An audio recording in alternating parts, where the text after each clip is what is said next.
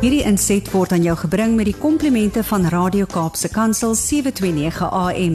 Besoek ons gerus by www.cape pulpit.co.za.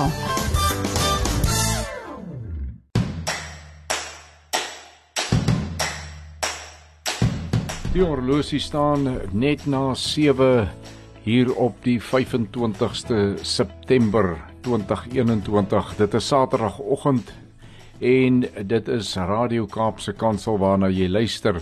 Die program se naam Landbou Landskap. Hartlike goeiemôre van my Willem van Jaarsveld, jou gasheer tussen 7 en 8 elke Saterdagoggend op die senders van Radio Kaapse Kansel. Maar jy kan ook aan na ons luister wêreldwyd enige plek ter wêreld op die internet. Ons kuier heerlik saam hier tussen 7 en 8 en ons kyk 'n bietjie na wat in die landbou aan die gang is, wat gebeur daar. Om 10 voor 7 kom saad van die vir die saaier in die beerd en vanmôre lees ons Psalm 8, die opskrif Die skepping speel God. Ons gaan ook 'n bietjie kyk na Kapstok, wat hang vanmôre daar in terme van nuusgebeure uit die landbou en in huis en hart gesels ons vanmôre die volgende sake. Jan Otaliard ons mekanisasie spesialis gaan vir ons meer vertel oor die proses van hooi maak. Ons gesels weer met Dr Hendrik Smit oor uh, bewaringslandbou en vanmôre kyk hy spesifiek na die baie belangrike aspek van gronddeurligtiging. Ons gesels verder met Johan Kotse, die uitvoerende hoof van die Suid-Afrikaanse Varkprodusente Organisasie, uh oftewel SAPO, en hy gesels vanmôre oor die begrip kompartmentalisering. Nogal 'n tonknoper, maar luister gerus, baie interessant.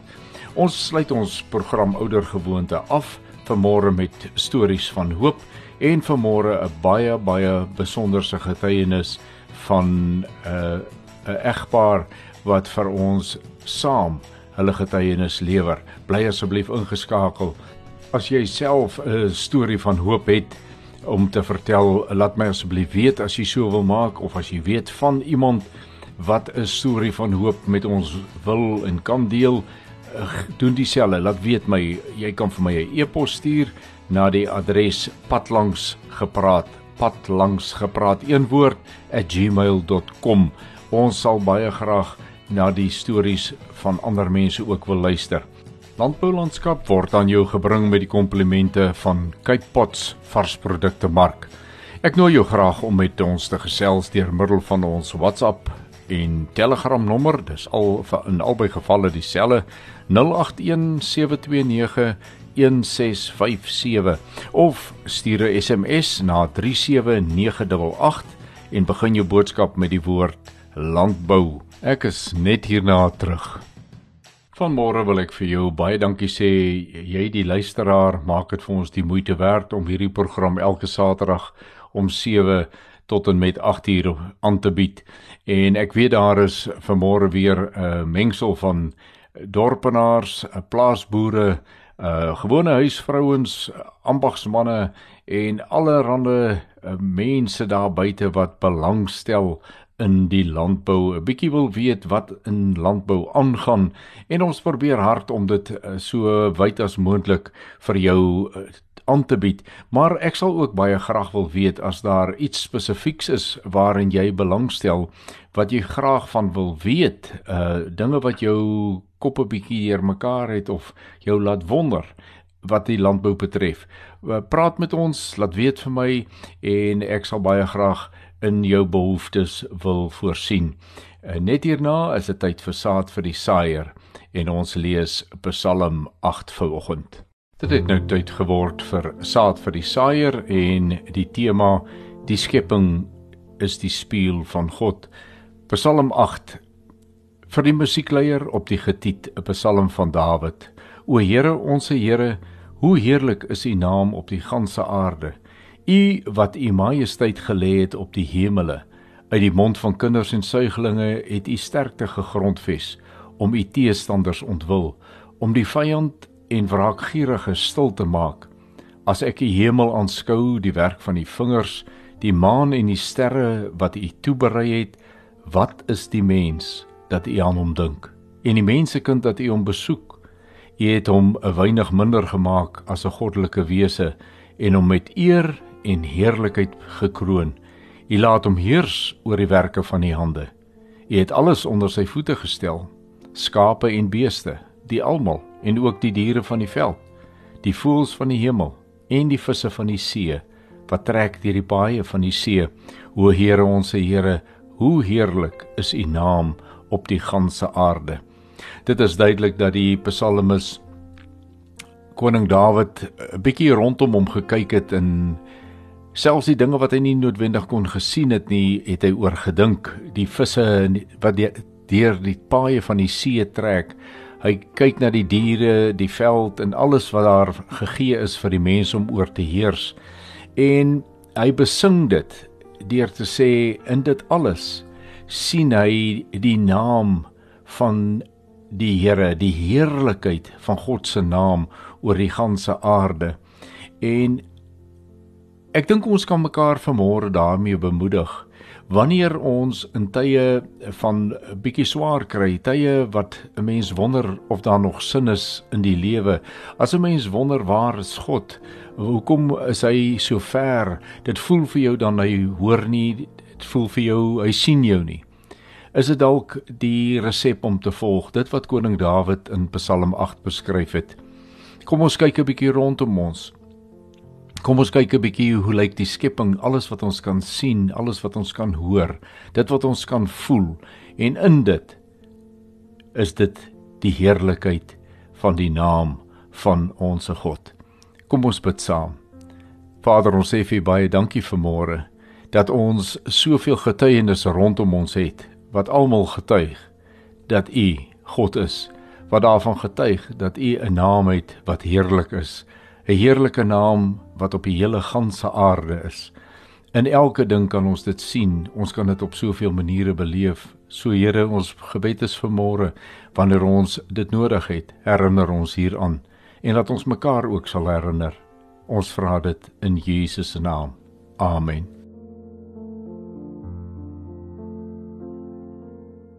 Jy luister na Landbou Landskap en uh, ons is op pad na die gedeelte wat ons noem Kapstok waar ons 'n bietjie kyk na nuuswaardighede in die landbouomgewing. Eh, dit het my opgeval die afgelope tyd dat daar sprake is van 'n uh, taakspan wat aangestel is, 'n vierman span wat deur eh, minister Toko de Disa aangestel is om te kyk na biosekuriteit vir ons veebedrywe. Uh daar is maar heelwat probleme Eh, die uitbreek van uh, Afrika varkpes onder ons vark uh, bevolking die back and close seer uitbrake wat in uh, Natal en voorheen ook in Limpopo voorgekom het. En dan is daar voelgriep wat uh, nie te te vergeete is nie wat ook 'n bedreiging is. En die taakspan gaan na maniere kyk wat al hierdie probleme aangespreek kan word hanteer kan word Bly ingeskakel, net hierna kyk ons spesifiek na wat aan ons kapstok hang. Vir 'n kykie na ons kapstok gaan ons vanmôre spesifiek begin met 'n berig uit landbou.com of wat ek gekry het op landbou.com. Die skrywer is Johan Norwel en die opskrif sê veldtog vir plantaardige dieet nie wetenskaplik sê voedingskundige. Nou u sal onthou ons het 'n tydjie gelede in Huis en Hart het ons gesels uh, met uh, professor James Blighnout en een van die onderwerpe wat het gegaan oor die geweldige druk wat daar uitgeoefen word op uh die boerdery met herkouers. Met ander woorde ons bees en skaapbevolkings die diere met meer as een maag. En dit het toegegaan oor 'n koolstofvrystelling in die lug en dies meer Nou daar is 'n wêreldwye beweging om ontslae te raak van hierdie tipe boerderye want daar is ook 'n redenasie dat dit nie nodig is om dierlike proteïene in te neem nie. Ons kan alles met plantaardige 'n proteïene regkry. Nou dit is presies oor daai onderwerp wat hierdie berig handel en die berig lees as volg: Die wêreldwye beweging waar volgens hoofsaaklik plant, plantaardige hulpbronne ten koste van dierlike produkte in die menslike dieet ingesluit moet word, is elitisties vir diegene wat dit kan bekostig om 'n voedsame voedingsbron van die hand te wys en die beleid in hulle guns af te dwing. Me Diana Rogers, 'n Amerikaanse voedingskundige en skrywer van die boek Sacred Cow, sê die veldtog om 'n plantaardige dieet te bevorder is nie wetenskaplik gefundeer nie en slegs die multinasjonale korporasies wat die voedsel verbou word bevoordeel. Sy was een van die deelnemers aan die SA Stamboek se virtuele teelt simposium wat ingevolge COVID-19 beperkings vanuit Bloemfontein aangebied is. Volgens Rogers dra die beweging regstreeks by tot die nadeel van gemeenskappe wat van lewende hawe vir hulle voedingsbehoeftes en ekonomiese oorlewing afhanklik is, soos baie vroue in ontwikkelende lande wat nie grond besit nie, maar vee aanhou. Die wanopvatting oor beeste en dierlike produkte beweer onder meer dat dit kanker en hartsiektes veroorsaak. Die metaangasvrystelling van beeste benadeel die omgewing, die doodmaak van diere is oneties en dat plantaardige proteïen en laboratoriumgekweekte vleis voordeliger is, sê sy. Geen navorsing kon tot dusver 'n regstreekse verband tussen rooi vleis en siektes bewys nie. Vleis is die beste bron van yster en Vitamiin B wat die algemeenste voedingstekort wêreldwyd is. Ook op landbou.com lees ek die volgende onder die opskrif raak onafhanklik van Eskom waarsku kenner. Nico von Burik skryf die volgende Elektrisiteitsgebruikers in die landbou moet alles in hul vermoë doen om onafhanklik van die nasionale kragnetwerk te raak omdat Eskom se toekoms op 'n ramp afstuur, het meneer Ted Blom, 'n energiekonsultant, gewaarsku op Agwis Grain se virtuele simposium oor die koste van elektrisiteit in die toekoms. Hy het gesê 'n massiewe verhoging word weer volgende jaar verwag. Nie amptelik het ek verneem Eskom het die energiereguleerder gevra vir 3 agtereenvolgende verhogings van 15% en dit kan selfs 20% wees. Dit is wat die nuwe bestuur meen nodig is om tariewe te hê wat koste weerspieël. Hy het gesê hy het 'n probleem daarmee want mense kan nie tariewe hê wat koste weerspieël in 'n monopolie situasie nie. Daar is geen mededingers met wie tariewe vergelyk kan word nie en dit vererger net die ondoeltreffendheid soos dit ons oor die afgelope 10 jaar waargeneem het van wat ook gepaard gegaan het met korrupsie en groot tariefverhogings. Nou dit is 'n netelige situasie vir elke boer. Daar is bitter min boere boerderye indien enige wat nou nog in hierdie nuwe era uh van moderne landbou sonder elektrisiteit kan voortbestaan. Ek sien egter op 'n ander in 'n ander bron dat daar deur Nersa 7 onafhanklike lisensies of lisensies vir onafhanklike kragopwekkers uh al goedgekeur is. Dit is nogal iets wat ons kan dophou. Dit is 'n beweging in die regte rigting. Daar is maar altyd in 'n landbou die een of ander 'n krisis wat net lê en wag om te gebeur en uh, die een van water en elektrisiteit of die twee is nou al vir 'n geruime tyd uh op ons voorstoep. Die een van Eskom se probleme natuurlik baie meer op die voorgrond as die een van water en waterbestuur met ons uh, bestuurs uh liggame wat voor siening voorgemaak is in die waterwet wat maar net nie lewe kan kry en hulle werk kan begin doen nie en dit wek eintlik kommer want oor die lang termyn is dit die maniere waarop ons hierdie krisisse moes kon voorkom of opgelos het vir sover dit reeds bestaan en dan sukkel ons met sulke eenvoudige dingetjies soos om dit toegepas te kry. Dis alwaar ons tyd het in Kapstok. Voordat ons by Huis en Hart kom, gaan ons natuurlik eers luister na 'n stukkie musiek en ek herinner u daaraan dat in Huis en Hart gesels ons vanmôre met Janu Talliard oor die hooimaak proses.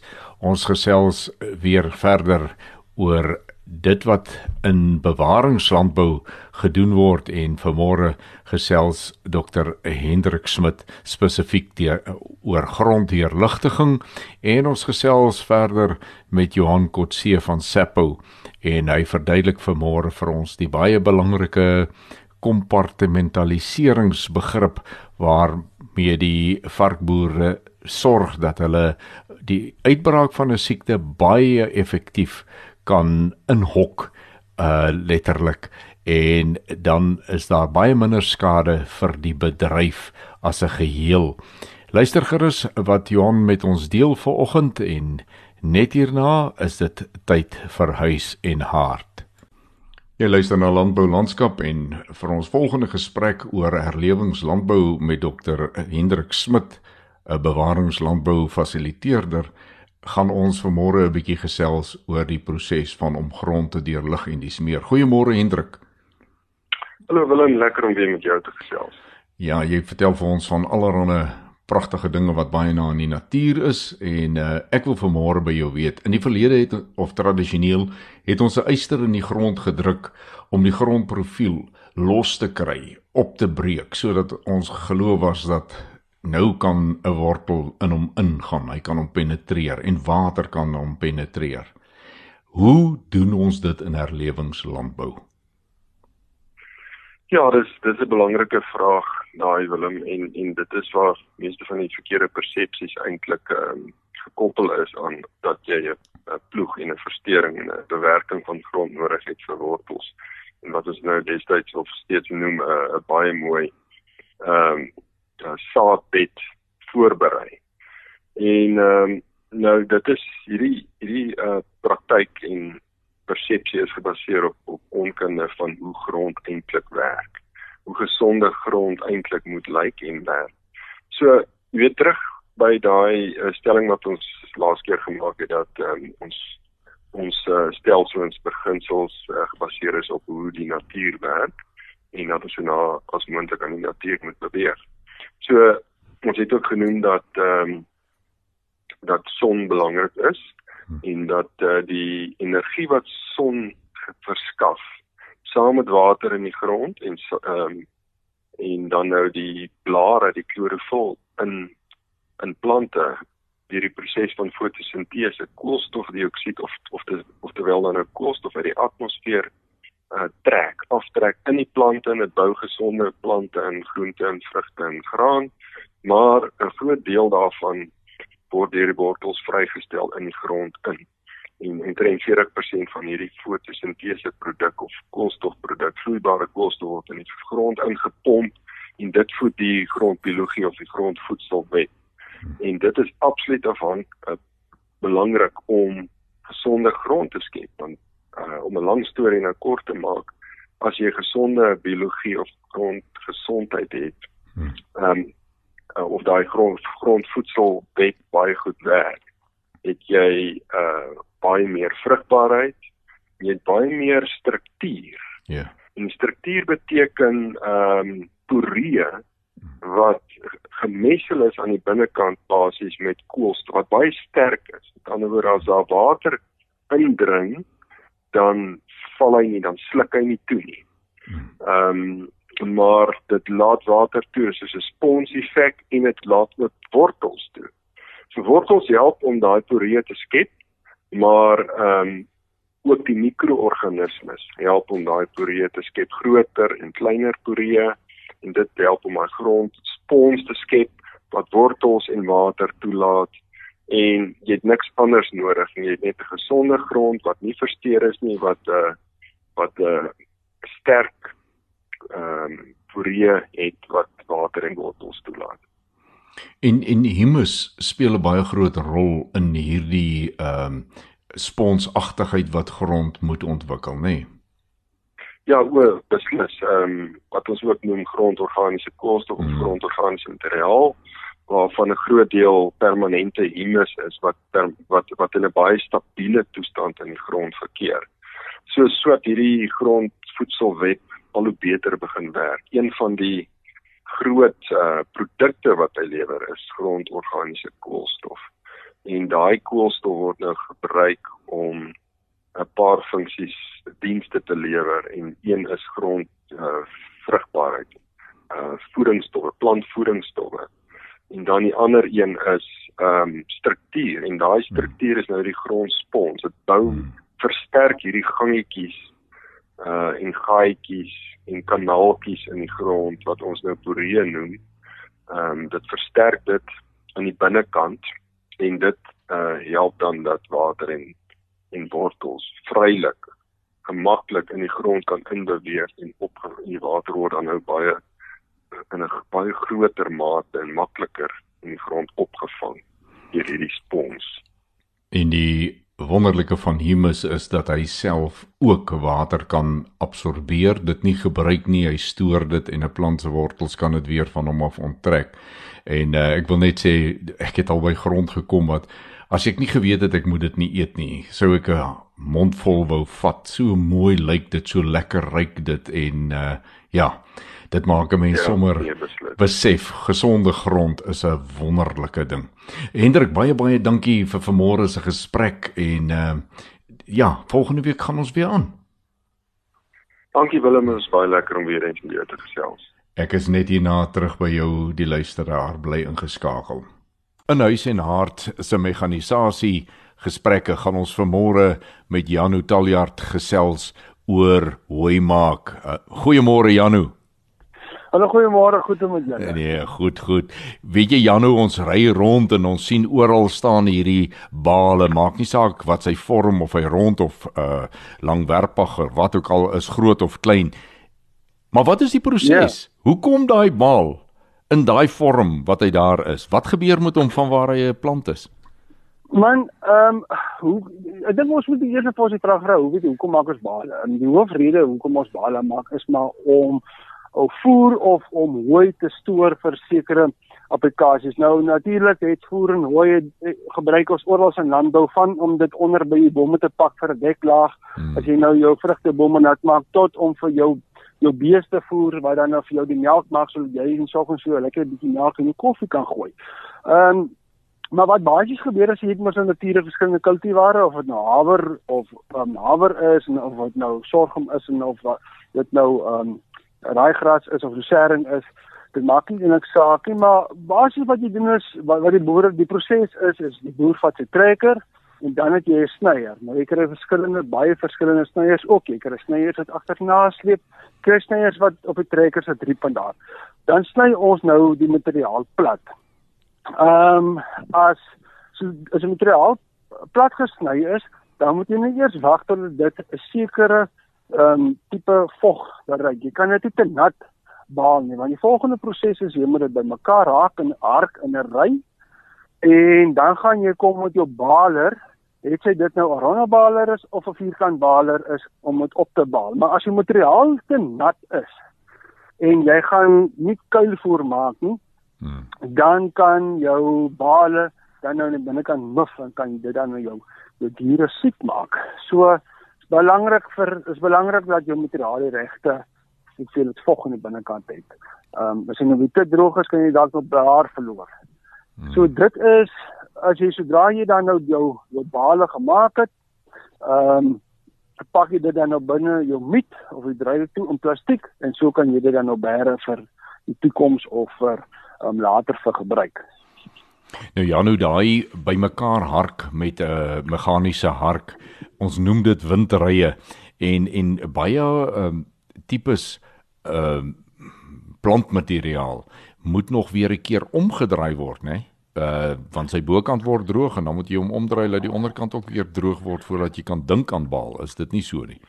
Dit is so ja, en dit is maar net omdat as jy dit alles mos nou soos wat jy as jy nou klomp nat handdoeke het en jy gooi dit op 'n hoop dan gaan die borstes droog raak maar um, die onderstes gaan nat bly. So jy moet daai jy moet basies dit omdraai sodat dit aan die onderkant ook 'n bietjie kan lig vloei en sonlig kry sodat dit kan droog raak. Ja, en die lucerne manne sal vir jou sê en as daai goed en daai windrye lê en hy's uh, omgedraai uh die wat hom wel omdraai en hy kry dan reën. O, dan hy hulle want van dan val daai graad sommer lelik lelik lelik. Ja, ek ek ek Maar dit verstaan dit, nee, want onthou daai boere het 'n klomp uitgawes, dis brandstof wat jy moet uitry om maar goed plat te ja. sny. Dis brandstof wat jy moet uitry om goed bymekaar te hard. Dit is slytasie op jou masjinerie. Ja. Ehm um, so ja, daar hulle daar's 'n geldige rede hoekom mense dan uh, ongelukkig is dan dit lekker reën. Dis die, die dis die drama van boerdery waarmee ons moet saamleef. Janu vreeslik baie dankie. Interessante gesprek vanmôre. ons sien uit na die volgende ene. Baie dankie. Nou, tot ons weer gesels. Lekker dag verder. Dit was dan Janu Taljard, ons mekanisasie spesialis bly ingeskakel. Ons gesels net hierna verder. Jy luister na Landbou Landskap en ver oggend gesels ons in 'n derde praatjie met meneer Johan Kotse, die hoofuitvoerende beampte van Sappo. Goeiemôre Johan. Môre Willem. Johan, jy het in ons laaste gesprek uh of 'n vorige gesprek, het jy gepraat oor kompartmentalisering en jy het 'n hele paar komponente genoem wat van hierdie konsep 'n sukses maak. Nou ander bedrywe, uh beveebedrywe het ook probleme, back and closure, bruselose, daai tipe van goed. En dit het vir my so geklink asof daar lesse te leer is by die varkbedryf wat dalk in die res van ons veebedrywe ook toegepas kan word. Wat is jou opinie? So net eers op 'n ligter noot nie. Ek dink dit het my omtrent 'n week gevat net om te leer om in Engels te sê compartmentalization. Ja, om net dit te oefen. So en wat ek daardeur wil sê is dit nie 'n konsep wat wat maklik sommer net ek ek ek, ek sê vir 'n halfuur wat dit is in 'n môre begin die ou en hy hy plaas homself in 'n kompartement. So ek dink ons moet teruggaan en sê hoe het kompartemente begin? Die eerste ding is ons het vir onsself gesê dis onmoontlik met wilde diere in Suid-Afrika om Afrika varkpes totaal al uit te roei. Jy gaan dit nie ons gaan nie al die vlakvarke in Suid-Afrika uitroei en dit ons 'n dit was die konsep gewees daar was 'n rooi lyn gewees. En ons het gedink 'n vlakvarkie gaan op die kaart kyk en sien net die rooi lyn en dan gaan dit nie oor die rooi lyn stap nie. Maar vroeër die varkbedryf gesien 'n vark verstaan nie Afrikaans of Engels nie en hy verstaan ook nie wie se grond is wie se grond hy hulle migreer. En ons het toe gesê maar goed, wat kan ons doen as 'n bedryf in samewerking met die regering en op die hoogste standaard, op die wêreldstandaard dan gaan kyk om te sê, hoe kan ek myself bestuur? En dit is eintlik selfregulering. En wat ons toe gedoen het om te sê, kom ons gaan en ons kompartmentaliseer onsself. Beteken ek baden my stukkie grond af en ek aanvaar verantwoordelikheid vir myself binne die die die bakening wat ek gemaak het onder sekere kondisies wat tot 'n mate geakkrediteer is deur die staat. So die eerste konsep is jy aanvaar self verantwoordelikheid vir wat daar binne gebeur. Net die konsep van binne binne 'n riglyn wat hierdie staat en industrie gestel het. So dit is die eerste konsep. Um en dan begin dan begin die die die konsep weer te sê ek ek maak nie net 'n merkie op 'n boksie om te sê weet jy Ek het gisteraand 'n inspeksie gedoen. Ek het 'n verjaardag gehad om binne die riglyn te bly nie. Dit word 'n leefwyse. So daai varkboer het die konsep verstaan en ons boere die konsep verstaan om te sê ons moet risikobestuur doen. Die staat speel 'n rol in risikobestuur, maar hulle is nie meester van risikobestuur op daai plaas nie, want hulle kan nie elke dag daar weet nie. Dis my verantwoordelikheid. En en die konsep van kompartmentalisasie het so baie diep inslag gevind in ons varkboere om risiko te bestuur en om die risiko af te wendel en eintlik te mitigeer. Om te sê, hoe kry ek dit reg ten spyte daarvan dat ek in Suid-Afrika lewe waar varkies die hele wêreld, plakvarke die hele wêreld vol rondloop, ek glo tot in die Weskaap. Dit onder daar was nie 20 en 30 jaar terug, miskien op een of twee ehm um, wildsplase. Maar daar was nie vlakvarke op ouens se lande in Piketberg wat nie met met wild voer nie. Vandag is dit daar. So kompartmentalisasie se eerste konsep het begin deur te sê hoe aanvaar ek verantwoordelikheid as 'n boer van wat gebeur binne my kompartement wat geskep is. Die tweede konsep is om te sê hoe word dit vir my 'n leefwyse? So ek nie net boks om iemand tevrede te stel nie. Ek besef die gevaar wat dit inhou. Uh en daai gevaar uh hierdie moontlikheid om 'n uitwissing te maak vir my kudde. Ek wil nou net vanaand vir jou te vat dat jy uh kom ons sê 2.500 so 'n boer en jy breek met ISF Afrika varkpes. uh en dan moet 'n totale 'n kal of 'n depopulasie plaasvind om daai siekte te beperk op jou plaas. Dan praat jy van 'n periode van amper 'n jaar. Dis dis dis eintlik 18 maande voor jy weer in volproduksie is. En in vandag se terme praat jy van 'n 65 miljoen rand verlies. Klaar, weg. Dat daai verlies Liefie. gaan jy nie weer inhaal nie. So verstaan jy hoe belangrik dit is vir die boer om dit te kan bestuur. Nou kan ek vir jou sê, kom ons gaan nou terug na na ehm um, back and close hier. Een van die een van die konsepte wat gewerk het is om byvoorbeeld 'n uh, heining te doen. En daai heining het diere uitgehou van 'n besmette area na 'n onbesmette area. Vandag is dit 'n probleem want die heining verteenwoordig 'n baie meer komplekse konsep as net om diere uit te hou. Hmm. Ehm um, my varkboere redeneer nie oor die kompleksiteit van die heining nie. My varkboere kyk na die kompleksiteit van sy heining om sy plaas. Want binne dit, binne daai kompartement wat hy het, loop sy 65 miljoen as hy 2.5 sooi wat hy moet beskerm. Ek werk wel na die heining toe wat wat die back and claw uithou en dit is 'n konsep wat nog steeds kan werk en wat baie goed is. Maar verstaan jy die die die fokus is op 'n ander area om te sê ja. hoe kan ek myself binne dit beskerm? Nou kom ons gaan terug na die konsep van kompartmentalisering en wat het ons geleer? Dink byvoorbeeld aan wat met ons gebeur het toe ons ek my Engels is nou daar die looting gehad het in in Natal en in in Gauteng. Weet jy dat sekere areas het hulle self gekompartmentaliseer. Hulle het bymekaar gekom en saamgestaan en gesê ons aanvaar verantwoordelikheid vir die bate wat ons hier binne het. En weet jy ons gaan ons gaan ons gaan letterlik 'n muur trek. Hulle is dit nou met mense of konseptueel en sê hier binne kom kom jy nie want jy kom nie vernietig hier binne. En dit wat kompartemente is. 'n Kompartement is presies dieselfde beginsel. So beginsels wat ons geleer het uit kompartementalisering uit om te sê ek aanvaar selfverantwoordelikheid. Ek gebruik elke konsep wat my kan help om die beskerming binne dit te doen van wie die staat en industrie bevoorde baie groot rol speel en dan leef ek daai konsep. Ek verwag nie van die staat om die konsep te leef nie want hulle boer nie op my plaas nie, ek boer daar binne. En ek aanvaar verantwoordelikheid daar binne. Binne die terme wat ons het, nê, binne die terme wat getrek is op kompartmentalisering. En dan leef ek daai term. So ek dink ehm um, vat jy dit na die kleiner boere toe, ons het nou oor die kommersiële groot boere gepraat. Hmm. Die klein boere doen presies dieselfde.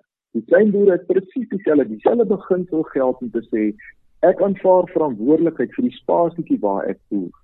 En daarbinne is dit reëls wat geld om 'n virus uit te hou. So ek kan ook my risiko bestuur. So ek dink konseptueel is ons ons dink baie keer dit werk net vir die groot ou wat baie geld het wat groot kommersieel is.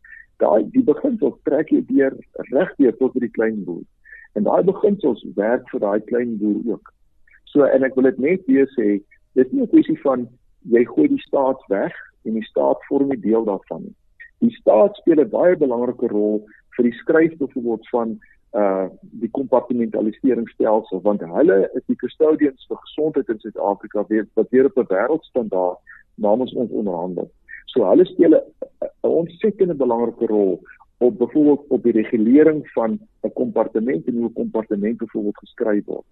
Maar die verantwoordelikheid lê by 'n boer die toepassing daarvan lê by 'n boer en daai toepassing in die varkboere tot in 'n mate gevat. En ek kan vir jou sê hoekom. Want as jy breek met Afrika varkpes, ons het nou in twee kompartemente gebreek. As jy breek daarmee, dan maak jy elke vark van kant. Dis al hoe jy daai daai virus stop. En daai verlies is enorm. So kan jy dit voorkom en dit is wat die varkboer probeer. Is om te sê, hoe kan ek hoe kan ek myself beskerm en dit voorkom dat 'n virus penetreer. Die laaste dingetjie wat ek miskien nou wil sê is Willem. Ons het altyd gedink soos 'n varkboer. Ek het altyd gedink soos 'n boer. En ek het altyd gedink hoe ek myself moet beskerm totdat ons begin het om te verloor. Ek ek ons het gebreek op sekere plekke wat wat ons het onglo breek nie. Dit het by klein die klein boere se konsep van van boere en die produksiemetode is baie meer kan soos dit vinniger gebreek daar, maar die breek het selfs tot in twee kompartemente. En wat ons gedoen het is, ons het teruggegaan en gesê ons moet begin dink soos 'n virus. Ons ons is verkeerd. Ek probeer vir die virus sê wat om te maak. Hierdie virus beteer vir my en jou. En as ek verstaan hoe 'n virus dink, dan kan ek die virus tot 'n mate ek kan ek kan weerstand bied, ek kan hom beklei. En wat ons gesien het is, ons het alles verpolitiseer. Ons het alles kapitalisties probeer dink. Ons het ons het uit 'n konsep uitgekom wat 'n virus nie verstaan nie. 'n Virus verstaan nie of jy arm is nie, hy verstaan nie of jy wit is nie, hy verstaan nie of jy swart is nie of jy bruin is nie. Hy verstaan nie hy verstaan nie Tswana nie. Hy verstaan nie Xhosa of Afrikaans nie. 'n Virus het net een metodiek. Dit is om te dit is om homself te vermenigvuldig, te penetreer en dood te maak. En toe ons daai konsep verstaan, het ons vir onsself gesê ek moet enigiets in my vermoë doen om daai virus uit daai uit daai die, die brandpunt te hou waar my diere is sodat ek myself kan mitigeer. En dit is nog 'n kopskuif om te dink soos 'n virus en nie beïnvloed te word deur die omgewing wat polities is um, en wat baie sterk gedryf word deur ander konsepte want jy gaan jou oorlog verloor want 'n virus verstaan nie politiek nie. 'n Virus verstaan net een konsep. Jy het my die geleentheid gegee om te penetreer en ek gaan penetreer en ek gaan jou vernietig. Sure. So ek dink uh die konsep om te dink uit 'n virus se konsep uit, dit vir ons ontsettend baie beteken. So ek is ons ons doen baie goeders wat miskien dalk nie polities korrek is nie, maar dis dat die gesondheid van die kudde in Suid-Afrika, dit is nie ander keuse nie en dis dit wat dit dryf.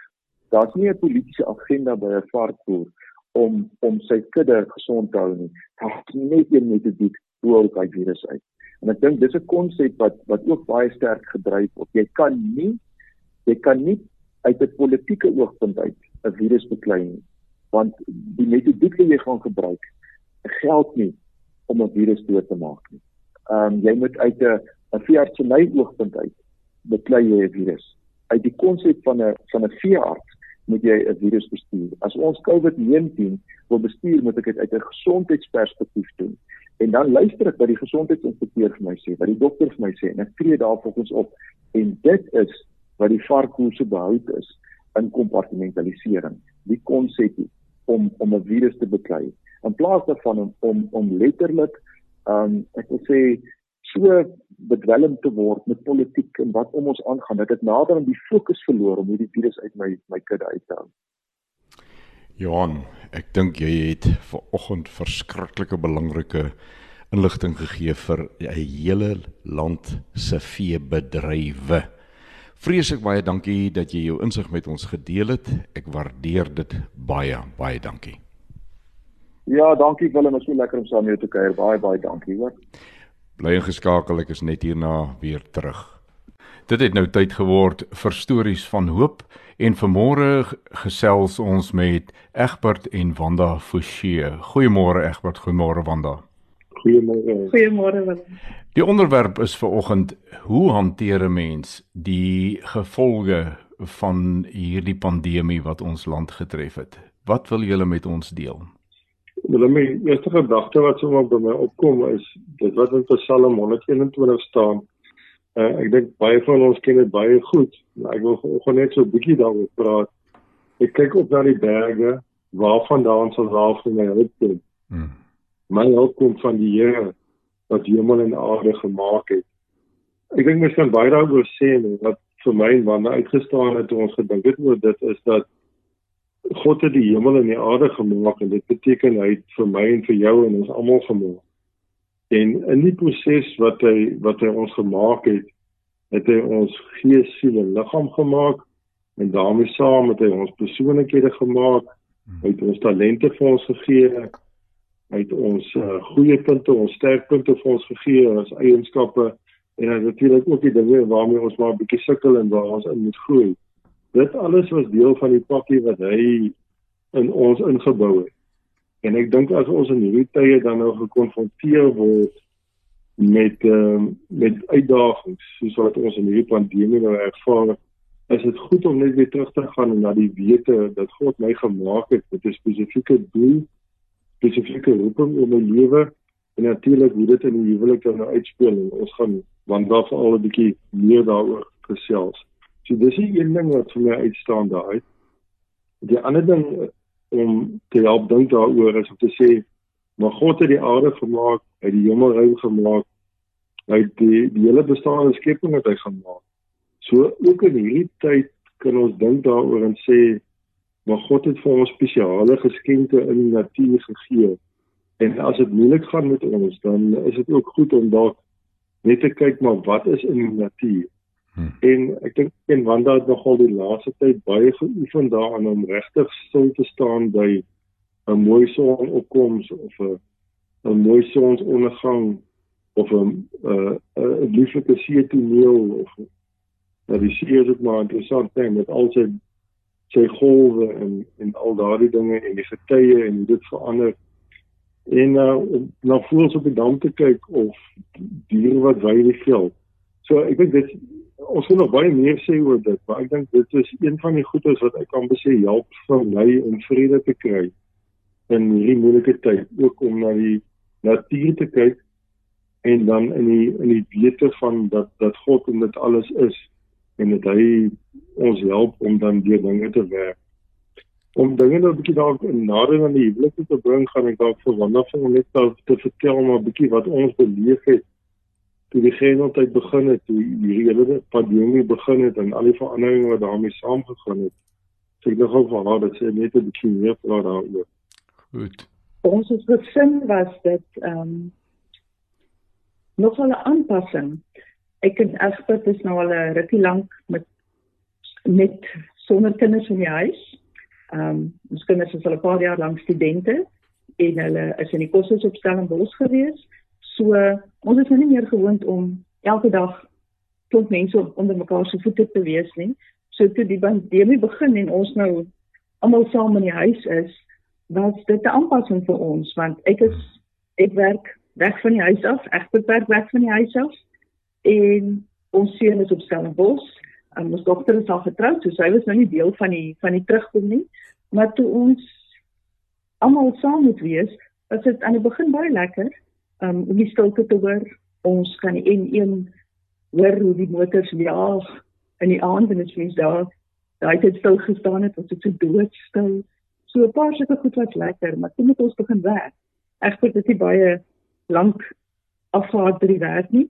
Toe moet hy begin werk en dit is reël met die internet wat moet werk en hy moet oproepe hanteer en hy praat kliphard jy hoor hom deur die hele huis deur so die honde moet stil die voël moet stil ons moet stil ek kan nie raas as ek moet kos maak nie.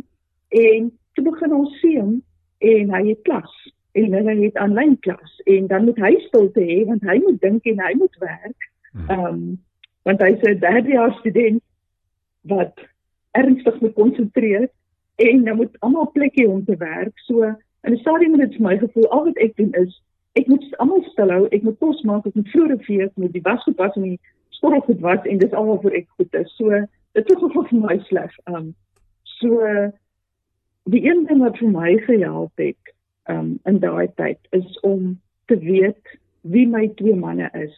Ons praat lankal oor hoe die Here ons verskillend gemaak het, dat ons nie dieselfde is nie. Um en om te besef hierdie geïrriteerdheid van my is eintlik maar net omdat ek nie kry wat ek van hou nie.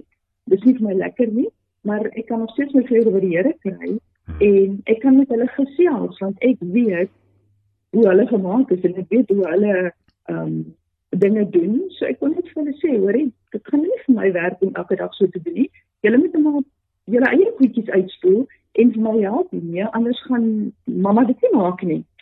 En die een ding wat regtig vir ons goed was in daai tyd en um wat vir ons baie gehelp het is ons het van kleins af met ons kinders gesels en met die Here vrede gemaak oor daai een dat Sondag ons rusdag is. Dat ons een dag van die week heeltemal anders doen as ander dae. Dat ons glad nie skoolwerk of ons werk werk of ons huiswerkies of inkoop dieselfde sulke goeders doen nie maar dat ons net by mekaar is. Dat ons lekker saam musiek luister, geestelike musiek luister, dat ons praat oor die Here, kuier by mekaar en dit was vir ons 'n uh, 'n ding wat ons regtig baie gehelp het. Um so selfs al het ons in hierdie tyd baie keer gevoel dit was ons was nie reg daarvoor nie. Dit het ons heel onkant gevang. Um en ons het aldag geweet wat ons moet doen nie. Weet ek dat die Here glad nie onkant gevang het daardeur nie. Hy is in beheer van ons lewens en ons moet ervaar hoe ons op hom staat maak en ons net kon vashou aan hom en weet hy dra ons ook deur daai hele tyd en selfs nou nog steeds. Ja, so as ek nou amper weer dit dink in in terme van die Psalm dan sê ek van die Here toe hy alles gemaak het, het hy ook geweet dat wat in 2020 gaan gebeur en 2021 gaan gebeur. Hmm.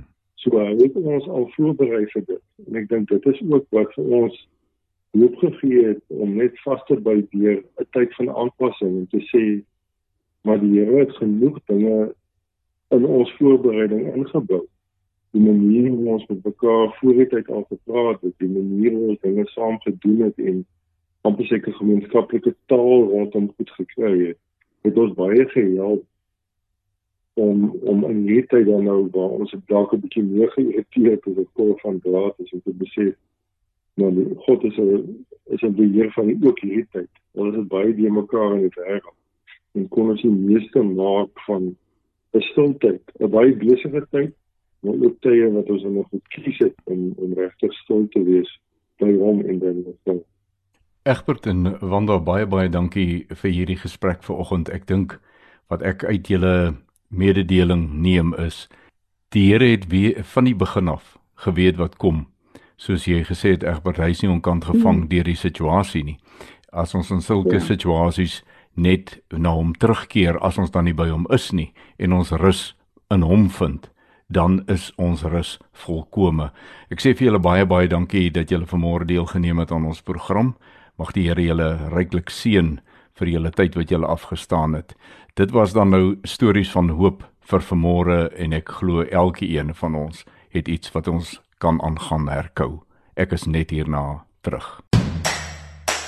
Dit het klaar weer tyd geword vir my om vir jou totsiens te sê.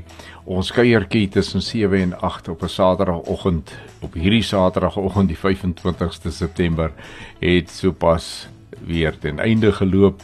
En dankie dat jy na Radio Kaapse Kansel luister op 'n Saterdagoggend. Ons nooi jou om so te maak elke Saterdag oggend. Dit was vir my 'n voorreg om jou gasheer te wees. Dit is my lekker om met jou landbou sake te gesels en ek uh, nooi jou en jou vriendekring, jou familie almal om volgende Saterdag weer dieselfde tyd in te skakel op die sender van Radio Kaapse Kansel 729 AM om te luister na landbou landskap. Baie dankie aan Kypots varsprodukte mark wat 'n landbou landskap moontlik maak en gesels asseblief met my. Uh jy kan die WhatsApp en Telegram nommer gebruik 0817291657 of die SMS nommer 37988 en jy begin jou boodskap met landbou, dan kom hy by die regte plek uit of jy kan vir my stories van hoop kontak te stuur op padlangs gepraat een woord padlangs gepraat gmail.com en maak die epos se onderwerp stories van hoop. Tot ons weer saamkuier volgende Saterdag om 7 groet ek Willem van Jaarsveld en mag jy elke oomblik Vader se guns op jou lewenspad beleef. Bly ingeskakel vir die volgende program net hierna wederom. Hierdie inset was aan jou gebring met die komplimente van Radio Kaapse Kansel 729 AM. Besoek ons gerus by www.cape pulpit.co.za.